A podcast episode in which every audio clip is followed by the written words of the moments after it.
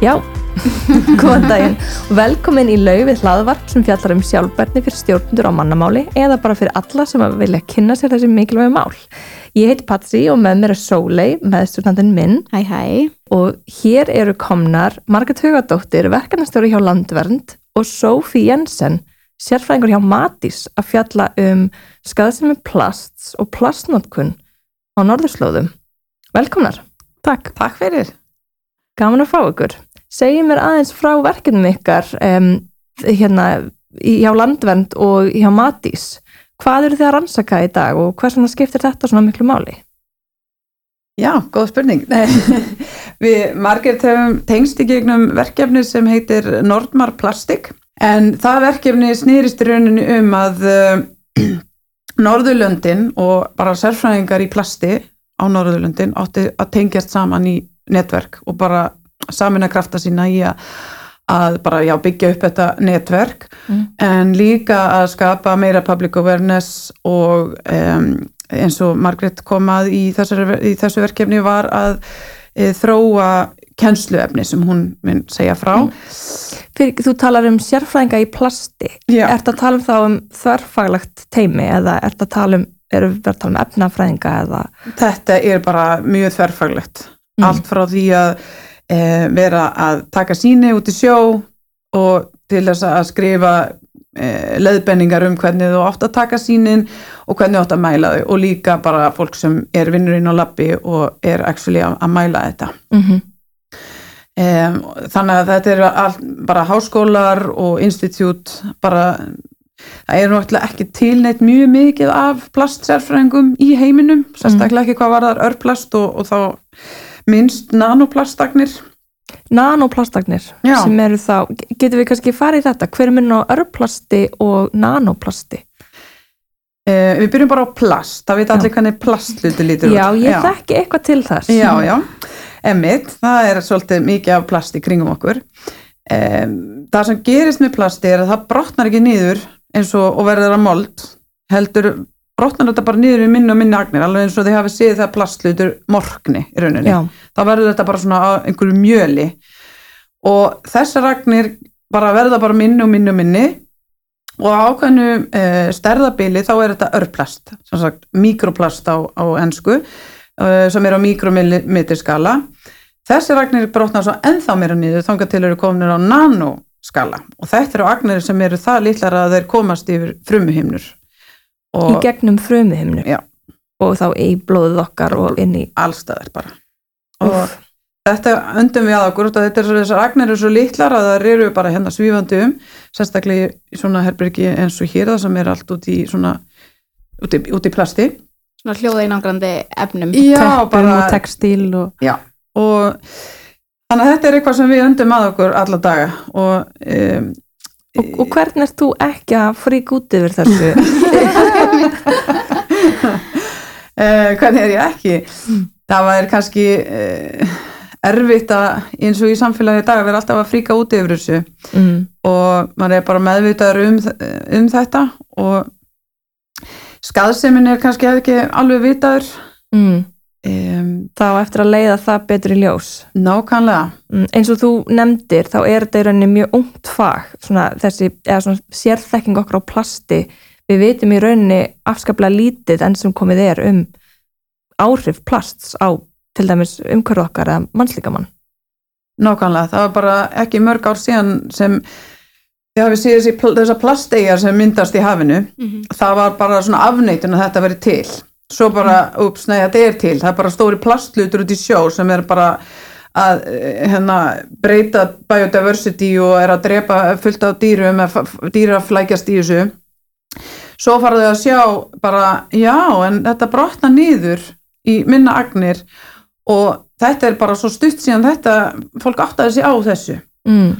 og svo fer mann að svona náttúrulega að pæla í bara hva, og hvað gerist við þessar plastagnir. Um, og svo fer hugurinn að því að já, og það er náttúrulega sett fullt af aukaefnum út í plasti til þess að breyta eiginleikunum. Mm og hvaða aukaefni eru það, við vitum það ekki og í hversu miklu magni? Og hvað gerist með þessi aukaefni? Út af því að e, áhrifin og aukaefnin er, það veit að menn hafa vitað lengi hvað þau gera. Ok, og hvað auka efni erum til við að tala dæmis um? bisfenol A þegar vel verið hýrt um það. Það er efni sem er orðið bannað í Evrópu að nota út af því það hefur estrogen áhrif. Sjáðu ofta á vörum kannski BPA frí Já. þá er að segja að það sé ekki þannig í þeirri vöru nákvæmlega Mm. Og á maður þá frekar að kaupa þannig vörur heldur en, heldur en aðrar. sko ég eh, varan per sé ef þú horfir á hana hefur ekkert breyst frá því að hann var með BPA í sig út af því að það er bara það sem er vandamálið er að þú þarf kannski 10-20 ára að sanna efnis í eitrað Mm. sem toxikolog Mm -hmm. e, þarf það að vinna í því að geta sínt fram á já þetta efni hefur actually skadaleg áhrif þannig að það sem hægt er að gera þá fyrir fyrirtæki sem vil selja þessi efni er að breyta efnið aðeins þannig að það heiti þá bisphenol S og hefur henni sömu áhrif og þá tekur tíu ári viðbóta sanna að það sé skadalegt Ok, þannig að við getum ekki endilega treyst í að BPA frýtt þýðir að þetta sé skadalust heldur. Það Nei. gæti bara verið komið eitthvað annað efni sem er bara ekki búið sína fram á að sé skadalegt. nákvæmlega Já, og væntalega einhver fleiri aukaefni líka sem eru í plastinu. Já, já, alveg eh, ég veit ekki hvað, þú veist, það er náttúrulega fyrir alveg eftir hvaða plast þetta er, en það er fullt af efnum þalautin eru líka östrogi, hafa östrogin áhrif Falöt. þalaut, já, Falöt, já. já er finnast líka á alls konar mm, alls konar aðra vörur og eru bara í, til þess að breyta eiginleikum á einhverju sem, sem við erum að vinna með eða sem við notum dagstæglega Og þegar þú segir estrogen áhrif, ertu þá að tala um bara svona hormonabreitandi áhrif á menn. nákvæmlega Og konur. Karla konur. Já, það var gerð til dæmis á bisphenol A eh, var gerð rannsókn í Bandaríkin. En á eina rannsóknin sína tegundar sem ég hef séð uh, en þar voru mælt um, bisphenol A magn í blóði á konum uh, og svo var þá gerð svona fertility test. Og það voru mjög konur sem voru með hátt hlutfall af, af bisphenol A í blóðinu voru um, miklu ófrjóari. Þannig að við verðum, við erum að verða ófrjó, Já. er svo að segja að innbyrgja þessum efnum. og það hefur líka verið sínt á rannsóknum kannski á dýrum það sem að er sínt fram á að það til dæmis byrtist kannski bara eitt kyn hjá einhverjum dýrum því að það er svo mikið hérna, af þessum efnum í umhverfi þess og það hefur allt áhrif á hvernig svo lífverðan þró, þroskast og þróast sko. Mhm. Já, þannig að það fæðast þá bara dýr af öðru kynnu. Já, sérstaklega kannski dýr sem að sko þroskast yfir í ákveði kyn bara við kynþroska. Og kannski Ó. gerist það ekki eða gerist hjá öllum þannig að það er bara svona allavega þessi hormonbreytandi efni sem að þessi aukaefni geta verið. En aukaefnin eru sett í plasti til þess að gera það kannski mjúkt eða gera það, þú veist, vassheldara eða e, að gera það eldvarið. Þannig að það eru mörg svona þetta eru eiginleikarnir, mismundi eiginleikar sem eru út af þessum aukaefnum. En vandamáli kannski með aukaefnin er sem ég lærði líka í þessari rannsókn sem að Sofía var með með því að gera, það var að það eru sett fullt af aukaefnum í plast en þeir sem framlega plasti þurfu ekkert að segja nákvæmlega hvaða aukaefni fór í plastið því að það er bara skilda að segja frá því ef að það fer yfir ákveðið magn Mm. þannig að ég er hérna að gera plast og ég þarf að setja ákveðum, ég ætla að setja fullt af efnum í plastið og ég má ekki setja ómikið af þessu efni því að það orðið hættulegt En ég má setja pínulítið. ég má setja pínulítið, en ég má líka setja pínulítið af 300 efnum. Og þá ertu komið með svona efna Já, sko. einhvern svona efna kokteil sem er ekkert. Já, mikið samlegar áhrif þannig að allt í einu kannski eitthvað sem var ekki hættulegt og meðan var bara eitt lítill hlutur Mhm. er komin í mikla, mikla súpu þá er það allt í einu orðið hættulegt. Þið þekki þetta bara með mengun það er þegar efni flæða í því miklu, þá miklu magni að þau geta haft skadalega áhrif. Þú veist að eins og koltjóksið er ekkert það er bara ég andaði út núna, það er ekki mengun. En þegar það er orðið of mikið og við fyrir að sapna saman í loftjóknum þá of mikið og valda gróðursa of miklum gróðursáhrum, þá er það slæmt þannig að alltaf, þegar þegar eru of mikið af þeim þá hérna Þá erum við í vanda. Já. Það var svolítið slámandi, það var í fréttunum um daginn að við innbyrðum í rauninni 5 gram eða eins og eitt greiðslukort af plasti á viku. Nákvæmlega. Það var ekki Það rannsókn sem við höfum framkvæmt hérna á Íslandi, heldur var þetta ástralsk rannsókn sem var gerð fyrir, fyrir árið síðan eða eitthvað svo les og var stýrt af World Wildlife Fund um, Kom þetta á óvart? Nei, ekki fyrir mig allavega uh, ég bara hef þess- kannski svipaða tölur áður eða svona bara það sem er verið að áætla ef þú hugsa hvað, hvað er mikið af ögnum í va vasklasi og í, í sjónum og í fiskinn og þú veist allt það sem við borðum og það sem við öndum að okkur mm. um, þá eh, finnst mér þetta ekki Og hvaðan er þetta plast að koma sem við erum að innbyrða? Er þetta, er þetta umbúður utan um matvæli? Er þetta, já þú segir bara loftinu eða Sko þetta er um, mjög mismönda eftir löndum út af því að um, uppsprettan er sem sagt eins og í mörgum löndum um, eins og í Svíþjóð og, og í flest Norðurlönd það er til dæmis um, affallsvatn frá heimilum og, og hérna yðnaðin mjög síja, það er kannski þrjár síjur áður, áður en vatnið er hleyft aftur út, aftur út í sjó mm, að meðan eins og Íslandi það er engin síja Já, við Við erum bara þvóum flýspeysunar okkar í, í þvóttavélin og svo er þetta bara dælt beint út í sjó. mm, og flýs er plast, Plast, er það ekki? já. Og það kemur mjög mikið af litlum plastögnum á flýspeysum. Um, svo er einn uppspretta á Íslandi mjög stór sem uh, Biopól gerði um, hérna, skýsla um þetta um, að aðaluppsprettan á Íslandi er haldin vera dekkjakurl, eða þú veist bara nei ekki dekkjakurl heldur dekkin, þú veist, og það við keirum, keirum svo mikið á, í götunar, á götunar með hérna nagladekkjum. Mm. Þannig að þetta er kannski áver punktur því að við erum að tala um orkuskipti í samgöngum en við leysum ekki þennan vanda bara með því að skipta yfir í rafbíla. Við erum ennþá að keira um á dekkjum sem eru úr plasti og það skapar sögurmsmengun Mm. og, og hún er ekkert góð fyrir okkur nýja umhverfið. Þess að væri bara best að leggja meiri áherslu kannski á almenningssamgöngur Mm. sem að fleiri eru um hvern þá bíl eða, eða vagn eða lest eða hvað sem það er sko. og virkar samgöngur kannski líka Já. svo er þetta ganga eða hjóla Ganga að hjóla. eða, já. En já, þannig að við borðum líka plast hérna, ég minna flestar plasti fer bara aftur út um hinn endan. Mm Mhm. Það er ekki þannig að það sé að festast í okkur það er þá helst kannski það sem við öndum að okkur Já, er og svo þessi líka aukaefni sem getur þá verið að fara inn í blóðrásuna en ef það er eitthvað svona litlar flýsagnir eða eitthvað, eða segjum sér svo að það sé eitthvað plastagnir í matnum sem við borða það er líklegast að það fari bara beinustu leið út aftur við erum að tala um ringrásplassin.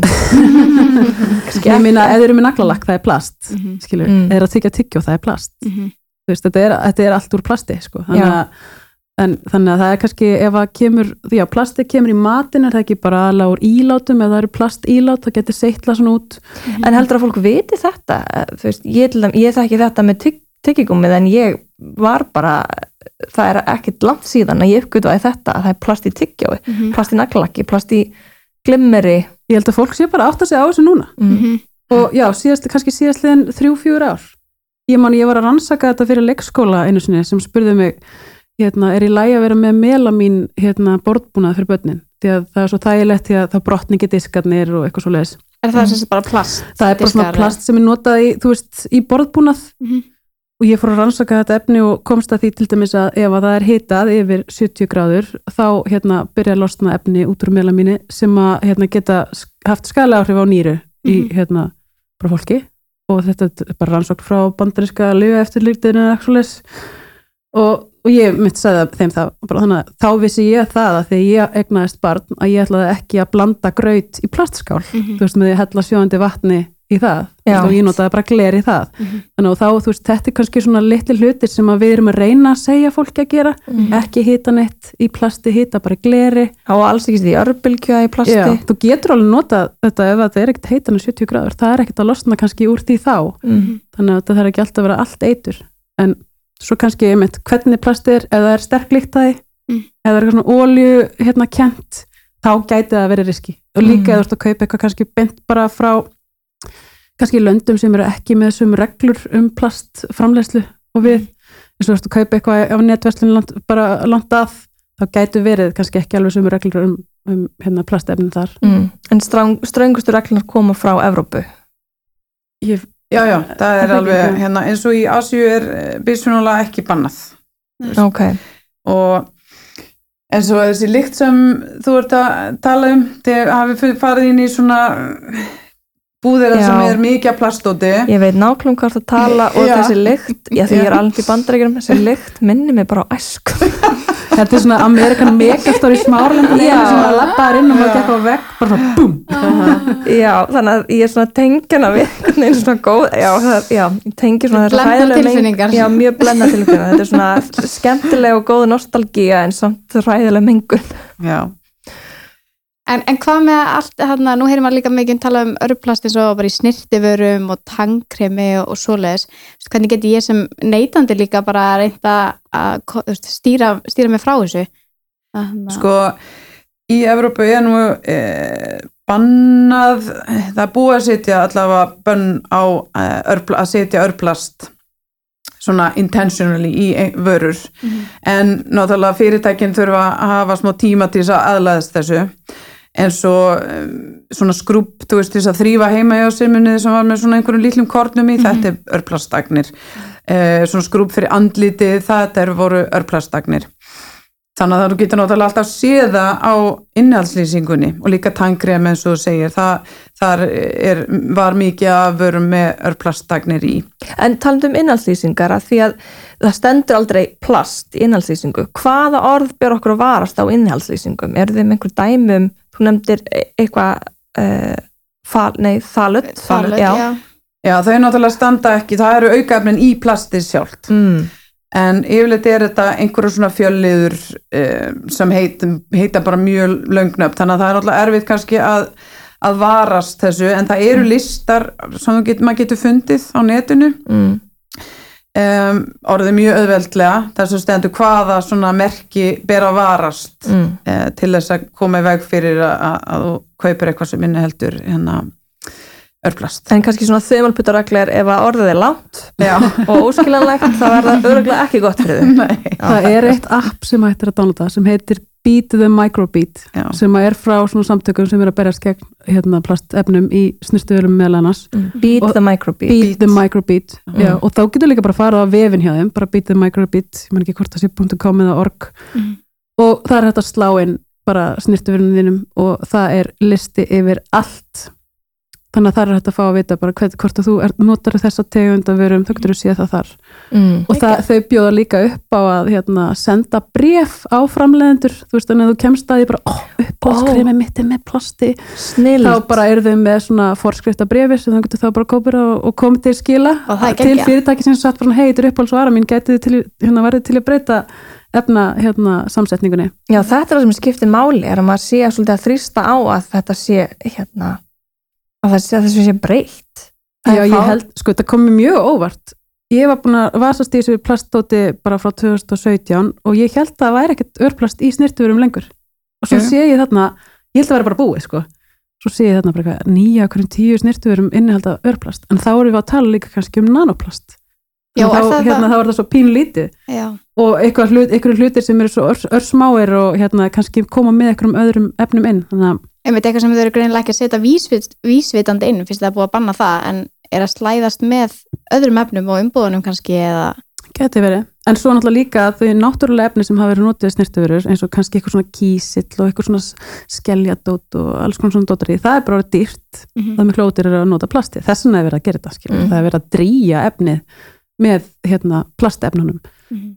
og á meðan það voru engar rannsóknir sem síndu fram á að vera skadalegt þannig að af hverju ekki Hvers vegna ekki bara dríja með vatni? það er svo og fínt. Ég gerir það allan mjög mikið, eða svona fylli aðeins á sjampubrósum með vatni og, og virkar alveg eins. Mhm. En einmitt, talandi um svona kannski góð hollráð og svona og hvernig við getum, að því að veist, þetta er risastórt skrimsli eða fíl sem við þurfum bara að búta niður og, og, og, og við þurfum að borða allan en við þurfum að byrja á einum bytta.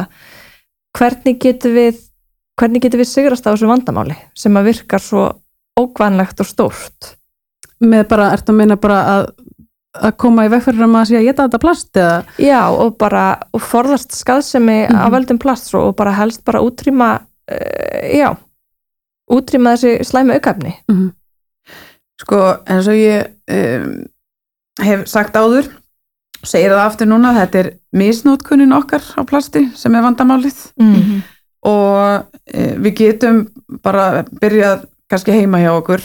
Því oft maður er verið svo ómeðvitaður um allt þetta plast sem fer í, í gegn. En svo þegar maður fyrir að flokka þetta og þá sér flesti segja bara að stærsta hlutan af öllu á heimilinu allt rusl er plast. Mhm. Já, 100% já. Mm um, það, það þarf þarf bara að vera svolítið meðvitaður um svona daglegt val, skiluru ef þú stendur í búðinu og það er þú getur keift hérna eh, banana sem er innpakkaður í, í plasti eða banani sem er það ekki þá kaupir maður bananin sem er ekki í plasti Mhm. um, græmiti, reyna að ég reyna alltaf að, ég vel alltaf það sem er ekki í plasti Mhm.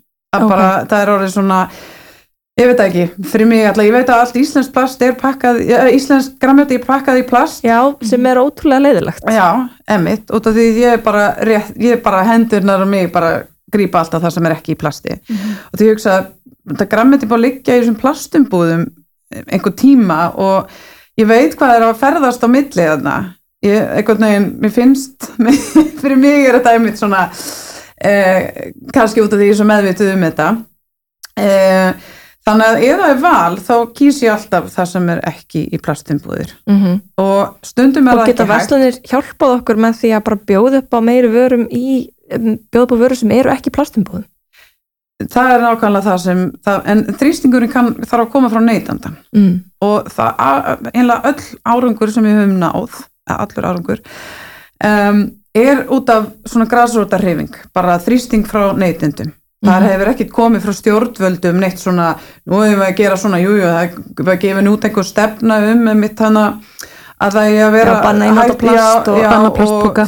við hjá Matís vorum með að skrifa þessari stefnu og já, og þá banna hérna plastpokar í búðir 2030 eða eitthvað og veist, þetta var svo opáslega Bara langt í burtu Já, og bara svo, svo, svo léleg, það er svona, hvað segir maður svo? Metnaða laust kannski Metnaða laust, já. Í staðin fyrir bara við bönnum þetta bara núna og þú veist, nú förum við einhverja róttakari svona breytingar, hvað þetta varðar. Af hverju getur við ekki bara að banna plastið? Eh, ertu þá að meina bara eins og að leggur sig? það er rosalega erfitt fyrir spítalinn að virka ef það er ekki plast í bóði. En það eru eins og En kannski þurfum við að forgangsraða, ég meina, jú, ok, í, kannski í heilbriðismálinu og svona þurfum við að, við þurfum kannski að nota plasti þar, en, en alls það sem við þurfum ekki að nota það, að sleppa því.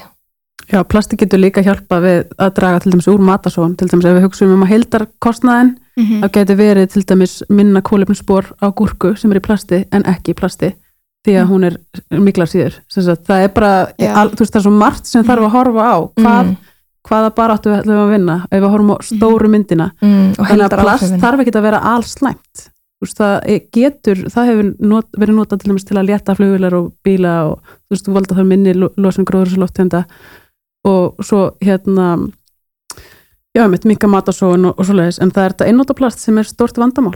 Mhm. og þú veist, það er það sem við þurfum að stoppa. Það einnóta plast sem er í umbúðum óþarfa umbúðum og kannski einnóta plast sem er bara framleitt til að henda eftir smástund Mhm. svo er líka textil risastort vandamál. Veist þessi hérna skynditiska þar sem fólk er að kaupa fötur plasti bara Mhm. til að vera í einu svona og henda strax aftur. Það er líka rosalega mikill kostnaðar í plasti og vatni til dæmis þar á bakvið og mikill umhverjus kostnaðar við svona skynditísku Og hva, hvaða efni er þetta aðalega? þetta er bara akríl og nælon og veist þessi helstu efni sem eru bara í öllum vörum sem þú ferði í verslun sem er Mhm. bara með svona skynditísku þú veist þá, þá er það ef þú getur reynt að leita bómullaból skilur eða bómullafötum það er náttúrulega ekki þá, það er náttúrulegt efni en það er hérna þannig að það er eiginlega þessi plastefni í öllum fötum sko, þannig að maður ætti bara að þá að velja fötin vel og, og hérna kaupa bara minna fötum Og kaupa notuð kaupa notafött ég meina, þú veist þessi, öll þessi notafött fött sko frá svona hérna 60s and 70s, þetta er bara plastik fantastic sko, þetta er bara polyester sko, en ég meina, þú veist, þá þarf maður þá bara ekki að eiga jafn mikið af fötum. Nei. Mm. Það líka bara framleiðsla, eða svona, mér finnst svona allir hérna bara, þetta er vandari framleiðsla sem var hérna árum fyrir, þegar þá voru hlutinni gerði til þess að endast. Einmitt, já. já, það er kannski þetta sem er gert bara til þess að henda Já. sem að þarf að stoppa Já, og það er kannski gert bara út af kannski hugsunleysi eða rosalega svona hagkvæmt fyrir einhvern ákveðin aðila þótt það sé ekki hagkvæmt fyrir umhverfið eða einu svona neytandan Mhm.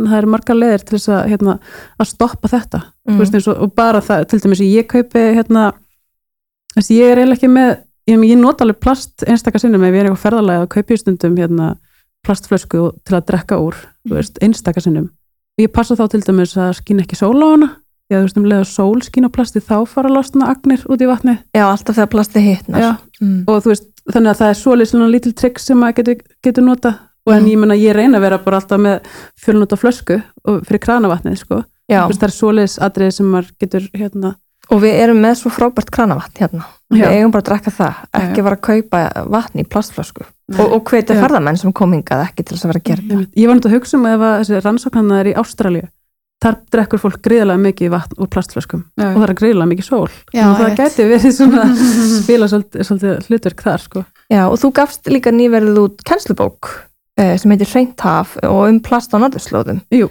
Um, og þar ferðu yfir líka einmitt, svona ímis hollráð og þetta er svona kennslubók sem er uh, fyrir börn, eða ekki. Jú, En hún er mjög, hérna, ég hef gluggaði hana og hún er mjög aðgengileg líka fyrir fullorðna.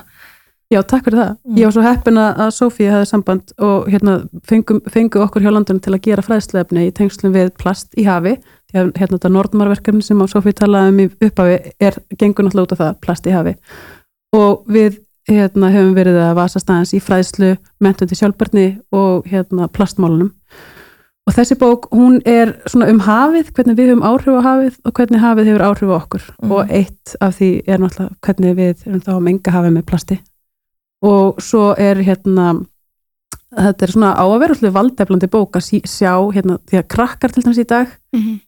þau, þau eru svolítið, svolítið hrætt og svart sín, þau heyra bara þetta neikvæða, bara hérna það er alltaf að fara til fjandans. Það er bara, það er hérna rör í nefin á skjöldbökunni skil, ég þúl ekki þess að myndir endar hérna, það er alltaf eitthvað að fara til fjandans en hérna bara sína fram og bara hei, hérna er fólk og við, við sínum til dæmis byrtum hérna dæmum fullt af fólki sem hefur verið að vasast í þessum málum og, og hafa áhrif á, hérna fyrir hafið og hérna og, og verkefnin með bókinni Já. eru svolítið skemmtilega, það er svona að fara ykkurt og taka við tel við ykkur í búð og spurja hvernig eru þið að hérna hugsa um ykkar plast og svolítið, svolítið krakkana hafa svolítið áhrif út, út fyrir.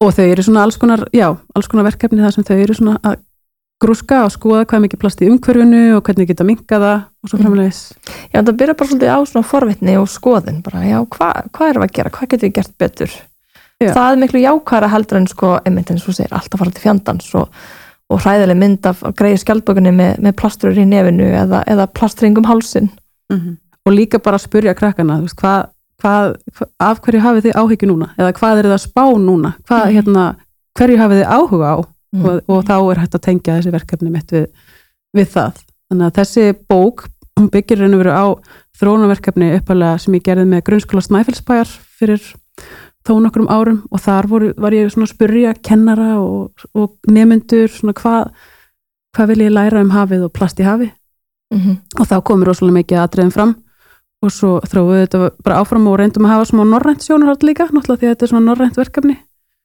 og, og þá bara kemur að ljós að, að til dæmis á öllu Norrlöndum þá eru svona náttúrundarsamtök sem hafa verið að skipleggja allskins hrein- hreinsanir því að það sem gerist er að plastið hérna, og mingunni sjónum virðir engin landamæri. Hún bara fer á milli land, bara hafsvæða eða bara landsvæða. Mm. Já, hafstraumunum Já. Mhm. og þannig að það er rosalega mikið sem sapnar saman hérna í norður hérna, á norðurslóðum. Það er rosalega mikið plasti sem sapnast á ákveðnum svæðum, bara sem kemur langt, langt, langt að. Þannig að það er líka mjög fróðlegt að skoða þetta, en ég minna það er svolítið skondið að hérna, plastmengun að verkum að ákveðnir hafströmmar voru kortlaðir Já, ok, Já. því að þá var hægt að sjá hvaðan þetta kemur. Það er eitthvað 1992 eða eitthvað sem að datt út eitthvað gámur með gummiöndum hérna, ég man ekki alveg hvað þetta var Ó, en hrikalega krútlagt samt. Já, gummiendur. Herðu og þessar gummiendur, þær voru bara ennþá að finnast, þú veist, 2010 sko. Nei. Og þá var bara verið að trakka niður hvar, hvert þær voru að berast og svo framvegis. Þetta er náttúrulega plastmengun, en þá var þetta að sjá, beti, já, hafströmmanir, þeir umkringja, þú veist, þeir fara eftir öllum höfunum. Þess vegna er alltaf svo gaman að segja að, þú veist, það er bara eitt haf á jörðinni. Eða, þú veist, Kyrrahafið, Indlandshaf, Atlashaf. Ég Þetta er meina, bara þú eitt séð haf ekkert alveg byrjunum endan á sundlauginni, á grunna og enda, þú veist, grunna og djúpa. og það tengir okkur öll saman tengir okkur alls saman þannig að þú veist, mengun á einum stað hefur áhrif á öðrum stað á endanum, skilju, Mhm. þetta er bara ein pláneta, þú veist, við erum bara saman í þessu þannig að þú veist, það, ef það er hérna til dæmis rosa sterkar reglugerðir á einum stað og kannski enga reglugerðir á öðrum, þú veist, þá þarf líka að vinna þessi því og skoða hérna, hvernig er þetta að vinna það saman Mm. En myndi að þú tala um reglugerðir og Sófí, þú varst að tala hérna um svona metnaðleysi stjórnvalda. Viljum við, við myndum þið vilja sjá uh, hertari löggjöf eða reglur um plast? Eða plastnotkun? Um, Ég held að sé alveg komna svolítið strangar reglur núna um plast svona, sem er allavega að byrja og hafa verið að hérna, verið, hafa verið innleðingu en ég er alveg ég hef alveg trú á því að stundum þarf bara að banna hluti sko. þetta er eins og bara okkur tókst að breyta geggja miklu þegar hérna, það var rosa stort gat í ósanlæginu þegar ég var lítil. Já. og það voru út af frejónefnum og svona flúorgasefnum sem er, voru með alveg í kælutækjum og Einmitt. ískápum og svoleiðis. Svona aerosol sprautu Já, svona spraybrúsum og sliðis og þú veist, það var bara, það var bara stort vandamál og þú veist, það sé gati í ósonlæginu þýðir að þú veist, búin að taka sólavörnuna af okkur. Þannig að þú veist, allt í einu gastu fengið skaleri geisla sólar niður til okkar Mm. sem að ósonlægi var áður kannski að- að vernda þið fyrir, ósonlægi getur verið svona eins og sólgleru fyrir okkur. Mhm. og hérna, þannig að þá bara taka löndin sér saman og ákveða bara að banna þessi efni, þessi efni eru ennþá í loftinu. Þú veist, Mhm. þau eru ekkert farin. En það allavega útstreymið er þú veist, þetta, þetta rosalega útstreymi hætti, ný, nýstreymið í raun og veru. Þannig að stundum þarf bara að taka stundum taka þarf bara að banna hluti skilur, sérstaklega sem eru sjúklega skadlegir ég meina halló, Mhm. þannig að ég hérna, hef alveg trú á því að veist, oft þarf að gera það. Og það er stundum svona erfitt veist, í heiminum. Þegar Mhm. fólk er ekkert sammála um margar hluti að fara veist, en svo hérna sjáum við að heimsbyðin getur tekið höndum saman þegar það koma stór vandamáli, svo alltaf bara COVID í byrjun allir að tala saman allt í einu og svona. Nákvæmlega. Það væri ekki að sjá það oftar sko. Já, líka- samtaka mátt. Já, en líka því eins og þau talið um að sé hertari reglugerð í Evrópu en ekki í Asíu.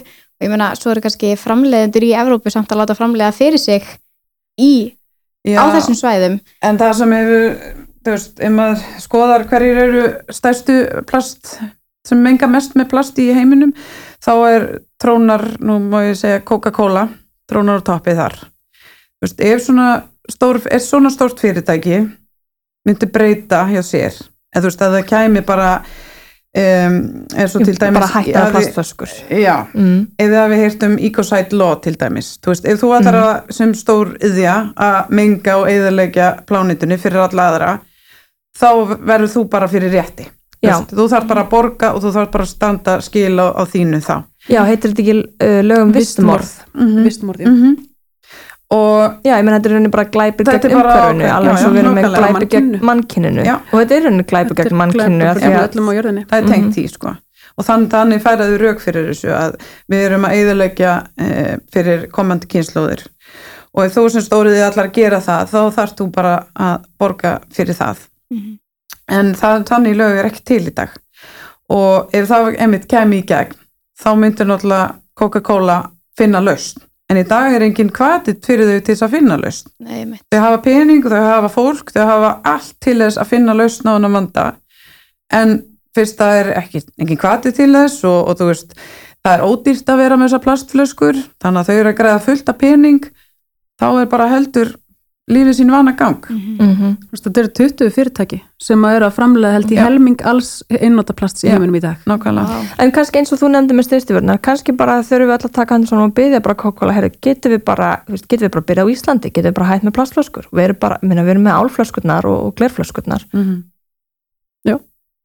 það er bara algjörlega að neytundur þurfa að setja pressu á og, og bara afþakka þú veist, eins og ég segi alltaf, ég er ekki svona fyrir að segja að cancel einhverjum, ég segi bara ég ætla bara að afþakka þetta, Já. Veist, ég, ég ætla ekki að cancela, þú mútt gera svona vilt ég ætla bara að afþakka þetta, það er ekki mitt líf sko. Mm þannig að stundum er það bara nóg en svo oft er náttúrulega best ef maður læ- nær einhverju svona smá svona smá reyfingu og, og fær, þú veist, neytundur til að koma saman og, og hérna, krefjast þess en sko, Já. ég finnst samt ekki að við getum sett ábyrna yfir á einstaklingin að það er ekkert eitthvað einstaklingur sem getur breytt plastvandarum í heiminum, skilur mér finnst það bara mér finnst það bara illa gert að setja ábyrna bara yfir á mig og þig og okkur hérna við borðið, sko. Mhm. Veist, Já, mér finnst að ábyrna eigi að liggja til dæmis hjá þessum fyrirtækjum og mér finnst að stjórnvöldi að hjálpa þessum fyrirtækjum að hérna, geta verið umhverfisvæn líka kannski með einhverjum svona styrkjum eða stuðningi í þessari umbreytingu. Akkurat, já, það vantar þessa kvata, þessa almennlega kvata, bæðum, já, bæðum styrkir en líka kannski bara með bönnum eins og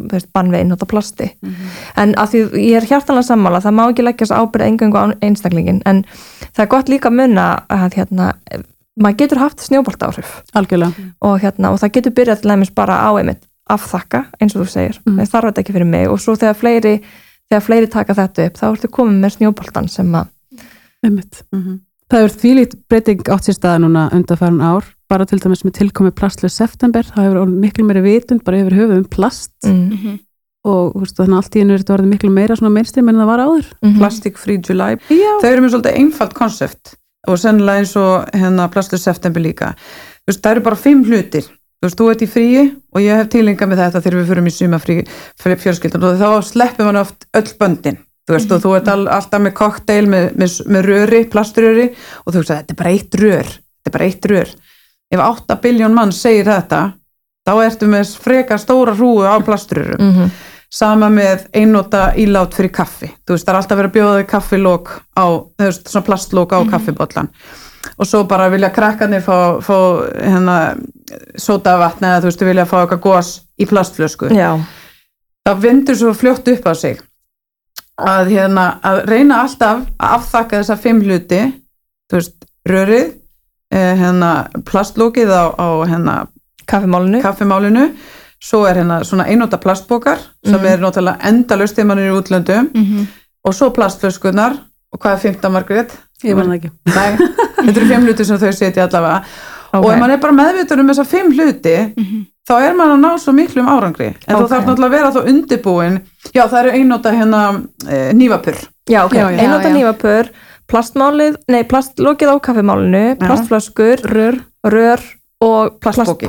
Mhm. Sleppa þá er ég bara með það í bakboka Mhm. þannig að þegar krakkarnir við, ef við förum á bar þá er ég bara, hennar eru rörin komin bara, tilbúin.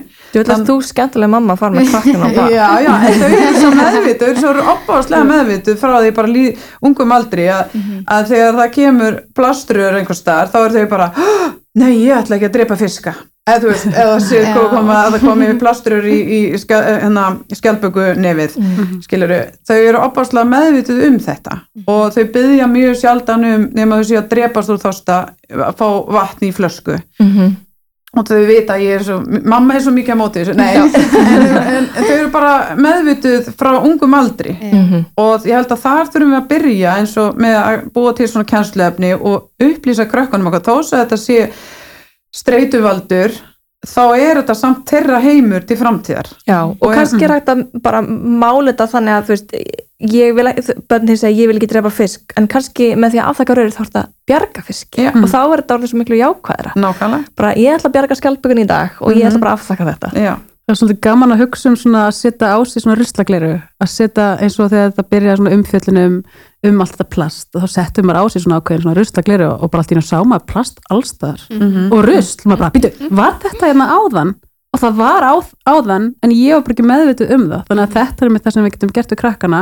Horfið kringu því, hvað er hérna úr plasti? Og láta krakkana gera eitthvað tölfræðiverkefni eða bara eitthvað svona alls konar verkefni, að skoða hvað þeir eru að nota.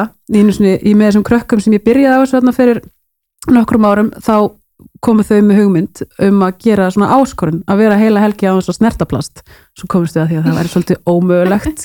Þannig að við, þannig að við ákvaðum bara að hafa einn laugadag og þau myndu skrifa niður, þú veist, reyna að sleppa plast en skrifa niður allt sem þau myndu snerta. Og þá var þetta eitthvað svona bara fór í búð og fekk bara hérna nammi í lófan fór með hérna glas og fekk shake í glas í ísbúðinni. Vá, og fór með skeið í ísbúðina og hvað gerðu þau fleira? Það var hérna já, bara fór að fótboltamót og við fengum hérna plastflöskur eitthvað. en ég meina þau fengu það, bara þau vissu það bara. Ég, sagði, ég menn þið megi alveg snert eitthvað plast það er ekki alveg, þú veist, það er góða lægi bara verið meðvituð um að sleppa þessu einnota og, og bara sjáuð hvað er að nota veist, að kortleggja það. Og það var rosalega svona mikil svona, já, upp ljóminn fyrir þau. Og þau voru bara svona, ég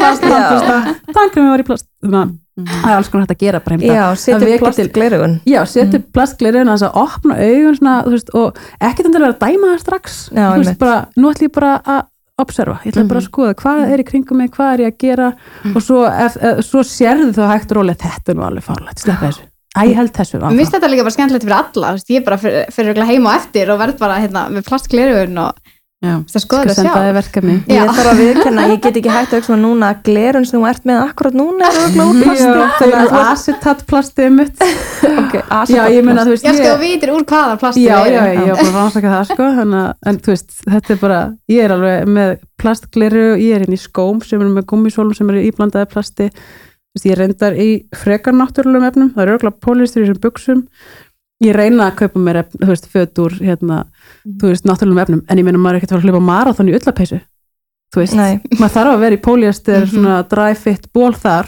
Já, En er það er ekki einnóta plast. Það, það er svo- svolítið Já. svona það sem maður er að kannski kannski byrja að sleppa þessu 30 einnóta þú þarft ekki 30 dry fit bóli heldur. Nei, þú getur bara átt einn eða tvo eða tvo kannski, þú veist, ekki 30 þannig að það, þú veist, þú þarft alveg að nota eitthvað efni úr plasti en bara, já, En vendum hérna- valið. bara, bara eiga minna. Mm. og það, hérna, já, en ég er líka að finna svona heima um mér að þú veist, það er bara þegar, hérna, barnið mitt var lítið og það er allir með svona stúdkönnur barnið mitt drakk bara úr glerklasi strax Mhm. það var ekkert vandamál, það er ekkert eitthvað svona homo sapiens að eiga að drekka úr stúdkönnu Mhm. þú veist, úr plasti, ég bara, ég vildi ekki barnið myndi drekka pínlítið og naga eitthvað eitthvað stú, stúdkönnu, en ég er bara svona, hvað á ég hérna heima ég á hérna glerglas, drektu bara glerglasinu og það bara það var ekki vandamál sko. Já, fyndi á nefnina því ég gerði líka með dóttur mína sko. bara, og veist, það var aðalega bara því við áttum ekki stúdkannu og ég nefndi þess ekki að vera að kaupa. En hún, fyrir viki var hún líka bara fljótur að læra hvernig að drekka sjálf úr glasi. Já. og maður spara sér bara svolítið vinnu sem fóldri þannig. En mér fannst, fannst þetta svolítið svona skemmtilegt verkefni fyrir mig þegar ég byrjaði að spá í þessu. Að hérna einmitt vera meðvitað um hvað er plastið á heimilinu. Og þegar maður einmitt heldur á tannbustan hvernig get ég skipt þessu? Mhm. þú veist, hvað er alternatífið og smám saman svona skipta hlutunum út og auðvitað var ég oft í hérna kannski hitta á svona konflikt við fjölskyldu eða við mannin minn sem bara nei, heyrðu nú mig, þú veist hvað er að gerast hérna? Og en svo bara venst þetta eins og þeir byrja að vera með bambus tambusta það var fyrst bara, veitu hvað er í gangi? En svo eru allir bara núna mjög sátti við það og, og hérna e, tannkremstöflur til dæmis fyrir, fyrir tannkremstúpu og það veist, þetta venst allt Já. eins og þú segir, er það homo sapiens þurfa ekki að vera með hérna sen- sensodyne Colgate eða eitthvað. Og það þarf ekki að tannbustan að vera úr plasti. Mm við Við- bara finnum, það er svo gaman að finna einhverja lausnir og leið, mér leiði svo vel þegar ég fann lausn á einhverju sem virkaði svo fyrir rest, sem er bara orðið svona fast í heima hjá okkur. Mér finnst líka bara oft gaman að svona lappa um þetta er þessar búðir sem er að selja umbúðalaust og þetta. Og þú veist, maður fær svo mikið að hugmyndum. Mm Mhm. já, þú veist, bara þetta er til þú veist, þessu tankanstöflur, maður vissi ekki endilega að þetta væri til Nei, þegar nei. maður fór að pæli því það, er, það eru til lausnir við þessu já, já, og svo líka bara að skoða veist, hvað hefur kannski mest áhrif veist, hvað, hverju getur sleppt þú veist, sem hefur mest áhrif og kannski láta eitthvað annars læta, skilju það er Já. bara, maður er að finna, maður er að forgangsraða heima á sér og hérna, þú veist, og finna bara einmitt, hvað er algjörlega óþarfi mm. og minnst frábært bara að byrja á þessum fimm hlutum sem að þú nefndir bara Mhm. þegar maður er átenda bát og þú veist, og, eða ferð á flugi þá hérna sleppa þessu lokum, plastflöskum og, og einnóta plast uh, áhaldum. Það er um að koma núna efni frá okkur frá Nordmar Plastics sem er svona Instagram hérna, efni, bæði hérna, myndefni og, og reels og einhver vídeo. Það verður release, að bara vera að vinna í release að það núna. Já, Ok. okay. á ennsku, við vorum búin að vera að kera þetta aðeins út um daginn á íslensku hjá Landvernd. Já, verður það þá, svona- verður þá byrt á Instagram-reikning hjá Landvernd? Það verður uh, byrt á Instagram hjá nordmarplastic.com það verður bara linkur þar sem er hægt að bara að Nordmar klikka- já, Plastics á. Instagram já. já, já, á þeirra Instagram síðu. Nordmar nordmarplastic.com En þá er það til dæmis með þetta að geta, hvernig getum við hjálpað hafinu, við notum svona hafið sem rauð, rauða þráin þar, sko við erum ekkert að tala eitthvað svona bönnum allt plast, við erum bara að tala um svona ok, hérna hafið er málið, við verðum, þú veist, það veitir okkur bara helming þess súrumni sem við öndum að okkur, það veitir okkur svo mikið mat, það veitir okkur lif, þú veist, hafið er svo ótrúlega dýrmætt bara fyrir okkur, það tek, tekur í sig að 25% af öllum gróðursaloftegundum, þú veist, hafið er bara er shit sko, það er bara það sem lætur hlutin að ganga þessari plánutu, skiljið, þannig að við þurfum að virða hafið og Já. við höfum kannski verið að einu sem alltaf sagt, bara hafið tekur lengi við og þá alltaf fara bara með ruslabíluna að hafinu mm. og bara út í sjó en Svo bara reynist það alls ekkert vera rétt. Já, Hafið tekur ekki lengi við. Nei, svo það er kannski ekki alveg þannig. Þannig að við erum með þarna svona serjur af nokkrum myndum eða já, bara efni sem við erum svona farið bara hérna svona getur þú hjálpa hafinu uh, á baðherbygginu skilur, það er til dæmis með að sleppa þessu örplasti og Já, minnst frábært nota- hvernig kennsluvókunin er þannig uppsett. Þú getur hjálpað hérna í eldhúsinu og hérna á baðherbygginu. þetta er nefnilega eins og þú sagðir áðan þetta er námsefni fyrir börn en lík áalveg erindi við fullorðna og það er það sem við gerðum að við tókum bara bókina skárum hann svolítið sundur og erum að miðla núna til fullorðna þetta Já. er alveg sömu skilabóð sko Mhm. og þá er, tókum við myndirnar sem er í bókinni og hérna, gerðum það að litlum einstaklingsmyndum eða einstökum myndum og það er líka hérna með eins og Sofí sagði þegar við ferðumst þá hendum við stundum öllum reglum út úr klukkan Mhm. og það er hérna einmitt e, hérna, meðal annars sko hjálpaðu hafinu á ferðinni að þú veist, þótt þú farir, farir í sumabústa þá áttu ekki að hætta að flokka þú veist, Mm -hmm. sveitafélagi sem sumabústan er í Já, er, það alveg með reglur um flokkun Já. og það eru gámar það sem sumabústanar eru, það sem hægt er að flokka bara nota, þú veist þrjá fjölnótapoka, einn fjölnótapoka fyrir pappa og einn fyrir plast og, og einn fyrir, og venjulegan bara rislupoka eða hvað sem þú notar, skilur þannig að það er alveg hægt að flokka á ferðinni, sko Mhm. og með þetta að sleppa þessu plastótið þarna í ferðalöginu, þú veist, á sólaströndinni, sko Mhm. sem að var hann í júli Algjörlega. July, Já, ég ætla að kíkja á þessa grein ég ætla að skrifa grein Mm. hérna vefið núna fyrir sumafríði Já, geggjað. Endilega. Herðu, það er búið frábært að fá ykkur og bara takk hella fyrir. Er eitthvað sem þið viljið bæta við að lokum? Já, eitt sem ég hugsaði áðan þegar þú varst að tala um fötið þín og glerugun og að e, oft verður, fannst mér svona, ég þarf að vera fullkomin, þú veist, út af því að ég er, a, er að tala um þessi mál, þá lítur að vera að ég eigi að vera fullkomin, en það er ekki það sem heimurinn þarf í neinu svona, það er ég líka vegan og þú veist, ef, ef, ef eitthvað, hérna, ef einhver sér mig kannski borða eitthvað sem, sem ég á ekki að vera að borða eða á ekki að vera að borða en sem er ekki vegan eða ég er í ullapeysu þá bara byttu, ert þú ekki vegan? Það og er er þú svolítið- ekki plast hérna, sérfræðingur? Það er að vera að vera í hérna einhverjum plastskóm? Já, það er svolítið ósengjart byrði að þurfa að vera fullkomin. Já, og þá hugsa ég um, eða ég las svo flott að heiminu þarf ekki þú veist, tíu fullkomna vegan eða tíu fullkomna hérna manniskur sem er að glýna gegn Plastlausar. manniskur heldur þurfum við bara miljón og miljón af svona ófullkomna plastlausar manniskur Já, sem eru samt að reyna að gera eitthvað. sem er að gera, reyna að gera sitt besta og það sem maður getur. Kannski byrja á þessum fimm hlutum sem við vorum að tala um að taka það út úr svona reyna að sneiða fram hjá þeim allavega til þess að byrja með. Já, enginn getur gert allt en allir geta gert eitthvað. nákvæmlega, Yes. Ég held að þetta sé góð skilabóð út í daginn Takk fyrir. takk kærlega fyrir